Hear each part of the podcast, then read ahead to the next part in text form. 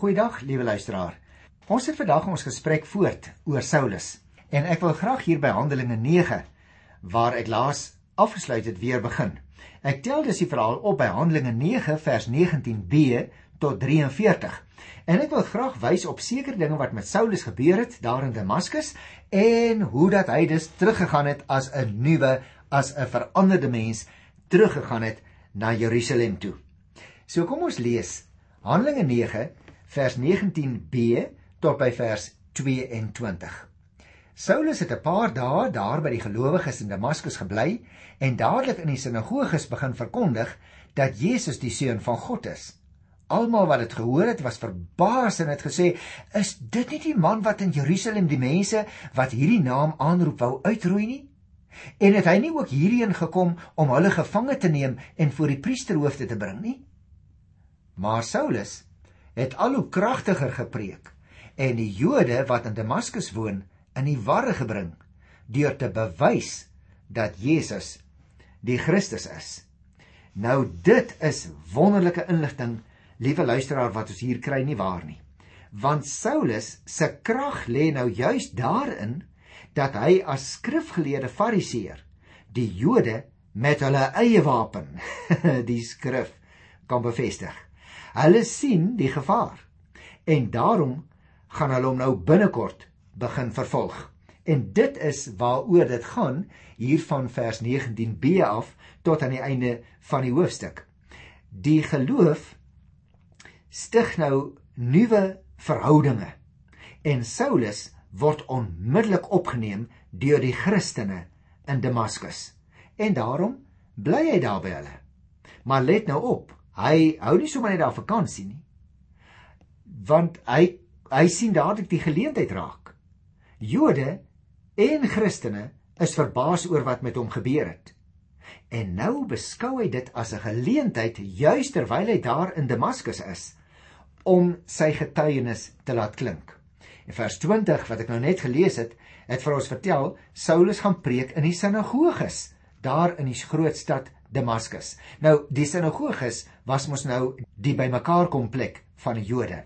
Dit beteken dat Jodendom en Christendom daar in Damaskus nog nie skerp geskei was op hierdie stadium nie wat 'n mens baie goed kan verstaan. Nou Saulus preek dat Jesus, let nou mooi op, die seun van God is. Dit beteken dat hy die Messias is, nie waar nie? Dit beteken dat Jesus in 'n besondere verhouding staan tot die Vader. Nou liewe luisteraar, ek wil amper my hande saamslaan die ongelooflike ommekeer wat in hierdie man se hart en in sy lewe plaasgevind het. Ek dink is ook belangrik liewe luisteraar dat ons moet raak sien.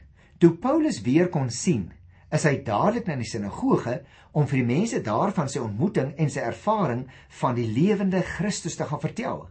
Paulus was natuurlik op hierdie stadium nog 'n nuweling in die Christelike geloof, maar hy het dadelik begin getuig van sy geloof. Jy sien 'n mens hoef nie te wag nie. Jy hoef nie te wag tot jy eers 'n klomp dinge geleer het nie.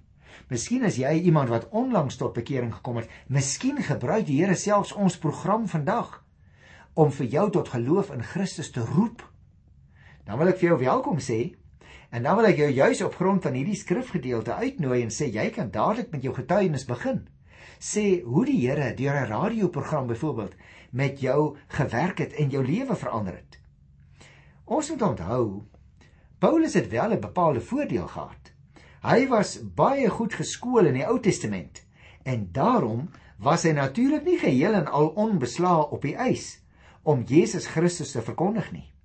In ons wêreld vandag is dit net so noodsaaklik dat enigiemand wat die evangelie wil verkondig, so goed moontlik opgelei moet wees. En daarom is 'n gemeente so belangrik dat 'n mens daar in die gemeente by verskillende plekke kan inskakel in die gemeente om onderrig te word. Byvoorbeeld selfs in 'n ou klein groepie. Vir my lyk dit deesdae asof 'n klein groepie daar waar gelowiges saamkom en praat oor die Here Jesus, miskien Bybelstudie doen, soms net 'n Christelike boek bespreek, dat hulle 'n klein groep 'n baie goeie laboratorium het, 'n baie goeie inoefenplek het van hoe 'n mens aan buitekant die wêreld kan getuig. Maar dit net so te snakies.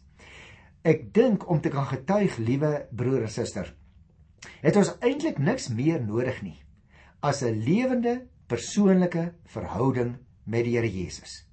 Wie egter 'n goeie getuie wil wees, moet sorg dat hy of sy ook so goed as moontlik onderlê is in die Bybel, as ook natuurlik in die situasie van die mense teenoor wie hulle hulle getuienis wil lewer.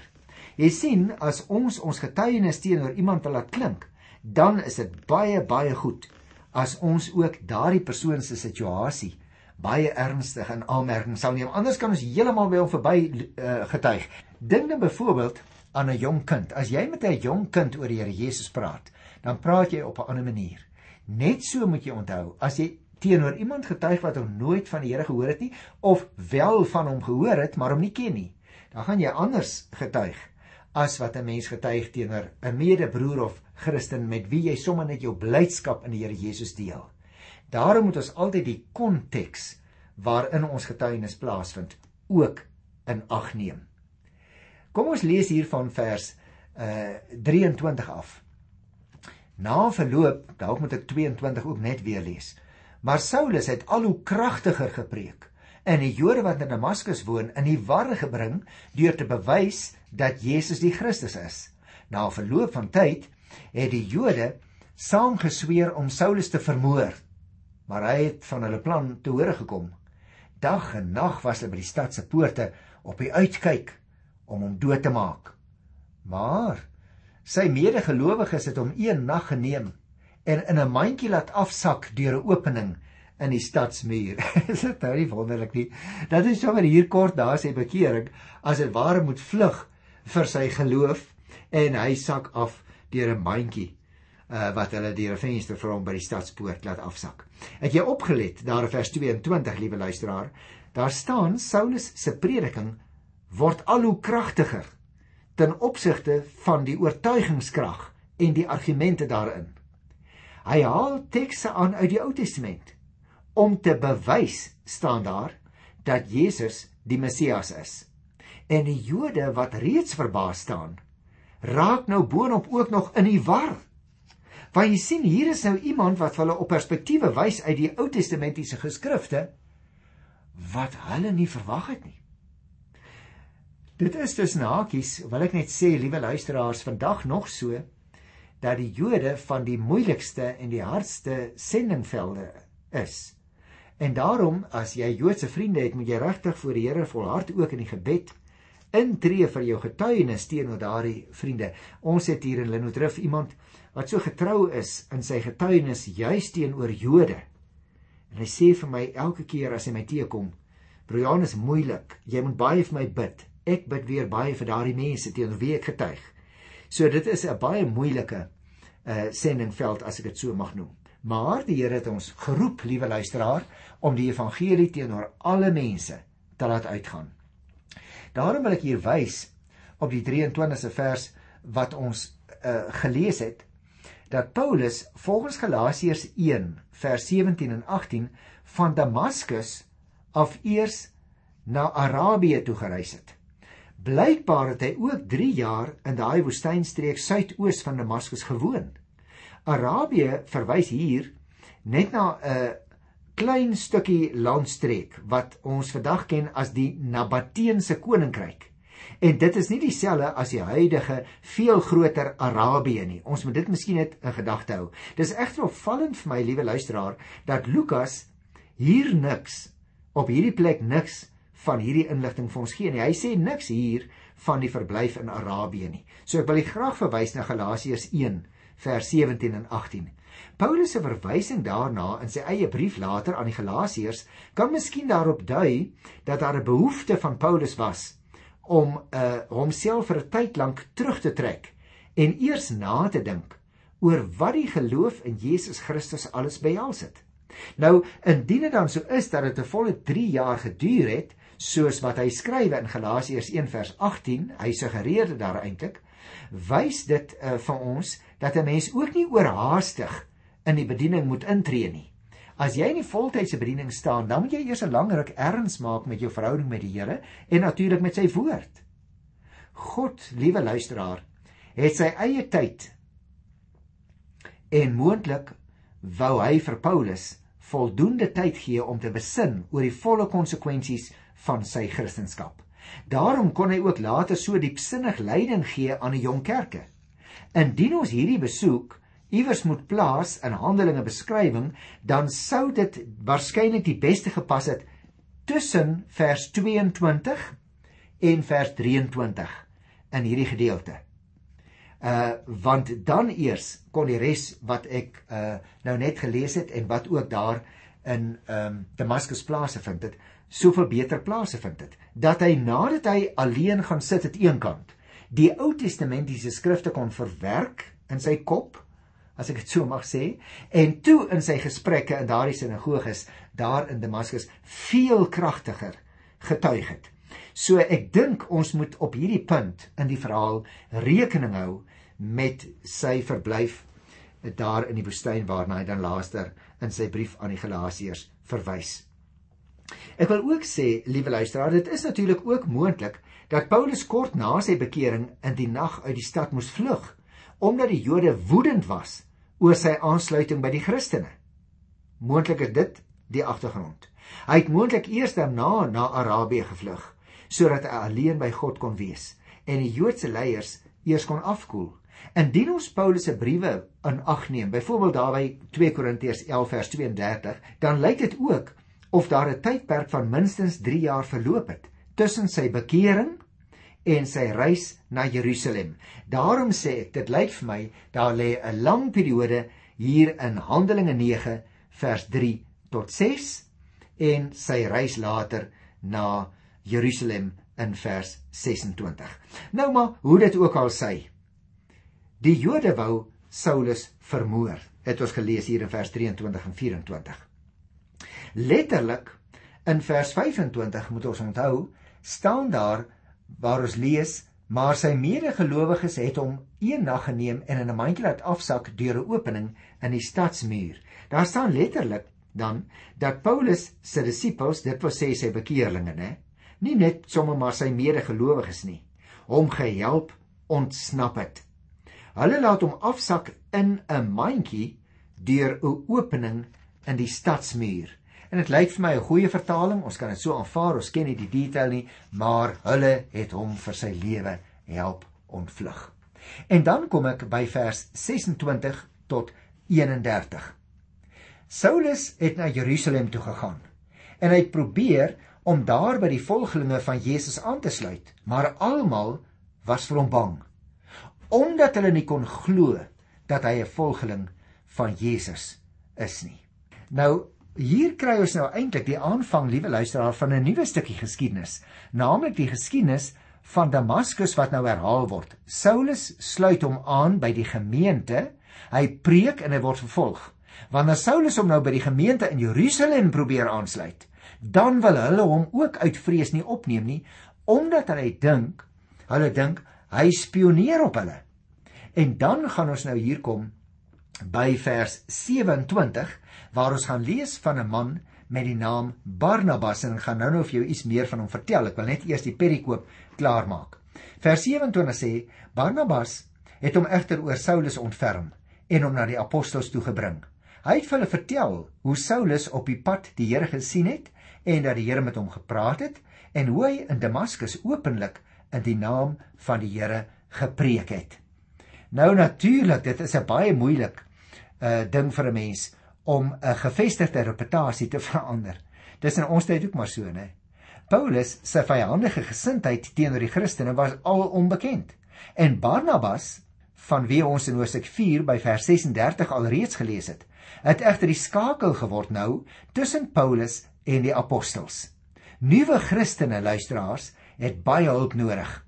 Hulle het mense nodig wat as dit ware rondom hulle staan, wat hulle kan aanmoedig, wat hulle kan leer en wat hulle ook aan ander gelowiges kan voorstel. Daarom moet jy en ek ook daarop ingestel wees om maniere te soek om vir iemand anders wat nog maar kort gelede 'n Christen geword het, om vir so iemand as dit ware, kan ek dit so uitdruk, vir so iemand 'n Barnabas te wees. Barnabas tussen hakies het van Siprus afgekom En soos ek jou gesê het, hy was 'n uh, een van die ouens daar in die kring van die apostels in hoofstuk 4 by vers 36. En hy stel nou vir Saulus voor aan die apostels daar in Jerusalem. Hy noem ook vir hulle dat Saulus reeds begin het om in die naam van die Here te preek. Hy het Jesus verkondig en hy het dit gedoen met Jesus se krag en dus as Jesus se persoonlike verteenwoordiger. Die Here Jesus Christus, liewe luisteraars, beheer elke aspek van hierdie man se prediking. En daarom luister na vers 28. Saulus het toe oral in Jerusalem saam met hulle rondgegaan en openlik in die naam van die Here gepreek. Die gevolg dus van die feit dat sy vriende hom voorgestel het aan ander Christene is dat Paulus as 'n ware 'n spanmaat van die apostels geword het. En daarom lees ons in vers 29, hy het ook met die Griekssprekende Jode gepraat en met hulle geredeneer. Maar hulle het hom probeer vermoor. 'n Mens kan dit baie goed verstaan, aangesien Saulus self nog uit 'n Griekssprekende stad Tarsus gekom het. Kon hy veral baie goed met die Griekssprekende Jode redeneer. Stefanus, sal jy nog onthou, het ook met hierdie mense te make gehad. Maar hulle haat wat aanvanklik op Stefanus gerig was, word nou oorgeplaas op Saulus. Hulle beskou hom as 'n volksverraaier. En daarom lees ons, hulle wou hom vermoor.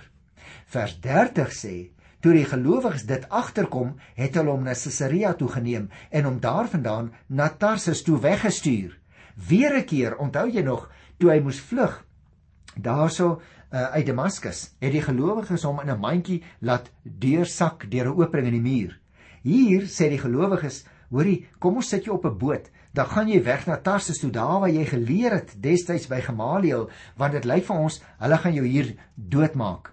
Gelukkig, liewe luisteraars, uh is daar hierdie mense wat rondom hom staan, hierdie Christus gelowiges en wat dan vir hom terugstuur na sy geboortestad toe. Vers 31 sê egter in die hele Judea, Galilea en Samaria het die kerk 'n tyd van rus en vrede belewe. Dit het gefestig geraak en in gehoorsaamheid aan die Here gelewe. Die kerk is deur die Heilige Gees versterk en die ledetal het toegeneem. Nou is dit nou nie fantasties nie. Daar breek nou 'n tydperk aan van rus en vrede vir die kerk, want die groot vervolger Saulus is nie meer in aksie nie. Die kerk het gefestig geraak. Lees ons ook daar letterlik, die kerk is opgebou, staan daar in die Grieks. Dit wil sê in persoonlike geestelike groei en eenheid. O die Here, ja, hy is die groot, die alles beheersende werklikheid in sy kerk, liewe luisteraars. En al hierdie kwaliteit van die kerk word gewerk deur die Heilige Gees. Lees ons daar. Die gevolg is dus dat die kerk groei. Nou ook in Galilea. En Paulus se besoek aan Tarsus het die konflikte wat daar tussen die Jode was, laat bedaar. Nadat hy die vervolger gelowig geword het, kon die kerk vir 'n kort rukkie bietjie asem skep en is die vervolging 'n hele ruk lank gestaak. Die kerk het gevestig raak en in sy ledetal het die kerk toegeneem. Nou voordat ek van hierdie stukkie afskeid neem, ek het nog so 'n paar minute, wil ek vir jou ietsie vertel van Barnabas, want ons het nou hier vir Barnabas weer 'n keer teëgekom vir die tweede keer uh, het ons hiervan hom gelees in vandag se gedeelte. Jy sien, liewe luisteraar, elke mens het in een of ander stadium van sy lewe aanmoediging nodig. En daarom het elke groep mense ook nodig wat in die Here glo dat hulle ondersteun sal word. Nou Barnabas het die vermoë gehad om te weet wanneer 'n mens aanmoediging nodig het. En daarom was hy vir almal rondom hom tot groot hulp. Dit is mooi om te sien dat mede-Christene dikwels tot geloof gekom het en dat hulle sien hoe dat hulle nuwe Christene wat ook tot geloof gekom het, kan ondersteun en kan bemoedig. Nou Barnabas se optrede was dus van kritieke belang in die vroeë kerk. In 'n sekere sin sou ek sê, is die grootste deel van die Nuwe Testament danksy hom vir ons nagelaat. God het sy verhouding met Paulus en later ook met Markus gebruik om die twee se werk voort te sit op tye toe albei heel waarskynlik sou misluk het as 'n mens menslik gesproke daarna kyk. Barnabas het voorwaar wondere verrig met sy aanmoediging aan mense. Kom ek noem jou 'n voorbeeld. Toe Paulus vir die eerste keer na sy bekering in Jerusalem aankom, was die gelowiges daar om begryplike redes baie baie huiwerig om vir Paulus te ontvang te midde uh van al die gerugte wat rondgaan. En dit is toe ook daar dat Barnabas gesê het maar ons moet hierdie hierdie persoon Saulus help. Ons moet hom bystaan want hy's 'n broer in die Here nou. Kom ek noem jou nog 'n voorbeeld. Dit was ook Barnabas wat vir Markus later aangemoedig het om saam met hom en met Paulus na Antiochië toe te gaan. So hy was 'n wonderlike voorbeeld vir ons in die boek Handelinge van hoe 'n mens ook medegelowiges moet ondersteun. Nou wil ek graag die laaste gedeelte behandel hier in ons hoofstuk vir vir vandag, die genesing van Enias. Mens kry dit hier in Handelinge, nog steeds natuurlik hier in die 9de hoofstuk by vers 32. As inleiding wil ek dit net miskien sê, liewe luisteraar, jy moet oplet. Petrus wat ons die laaste keer van gelees het in hoofstuk 5 tydens die botsing met die Joodse raad, toe was hy 'n sentrale figuur. Hy word nou weer hier 'n leidende uh rol wat aan hom toegeken word. Totdat Paulus eers weer in hoofstuk 13 die hoofrol gaan oorneem want onthou Paulus is nou weg na Tarsus toe. Nou eers verneem ons in die twee episodes wat ons nou gaan lees hoe die krag van die Here deur Petrus werk. Kom ons kyk hier by vers 32. Petrus het baie rondgereis. Hy het op 'n keer ook by die gelowiges gekom wat in Lydda gewoon het. En daar het hy 'n man met die naam Enias teëgekom wat verlam was en al 8 jaar lank bedleend was. Enias sê Petrus toe vir hom: "Jesus Christus maak jou gesond. Staan op en maak jou bed op." Hy dadelik opgestaan. Al die mense van Lydda en die Saron vlakte het hom gesien en hulle het hulle tot die Here bekeer.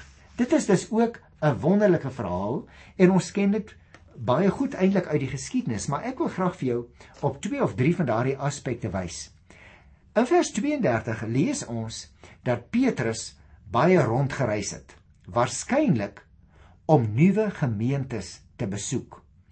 Want jy sal onthou hoe dat ons in hoofstuk 8 daar by die 14de vers ook al reeds met hierdie ding uh kennis gemaak het.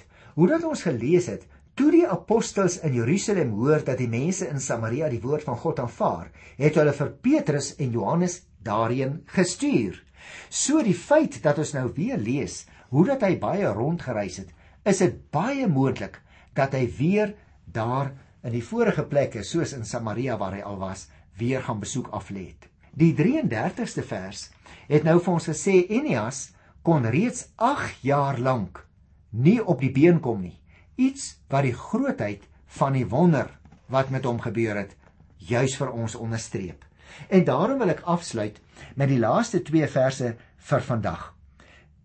Enias sê Petrus toe vir hom in vers 34: Jesus Christus maak jou gesond. Staan op en maak jou bed op. Wonderlike ding wat hier gebeur het. Die krag van die Here Jesus. Liewe luisteraars, staan sentraal in hierdie vertelling, want daar word geen woord gerep oor die menslike omstandighede nie, ook byvoorbeeld of Enias geglo het nie. Hier word in soveel woorde gesê hoe 'n wonderwerk plaasvind. Jesus Christus genees. Jy sien, Enias moet doen wat hy nooit kon doen nie, naamlik sy bed opmaak, juis om te demonstreer dat hy gesond is. O, die Here Jesus se krag is dan ook dadelik werksaam in sy lewe. Die gevolg van die wonder is natuurlik nou uh dat baie mense van die inwoners van Lydda en van die digbevolkte Saron vlakte, dit wil sê die kusstrook van Joppe af tot daar by Karmel, hulle op tot Christus gewend het. Bekeer, die woordjie bekeer wat ons hier kry, is dis hier 'n woord wat elders soms vertaal word met inkeer en dit beteken om jou tot Christus te wend. En daarom, liewe luisteraar, wil ek liewer met daardie skrifwoord afsluit.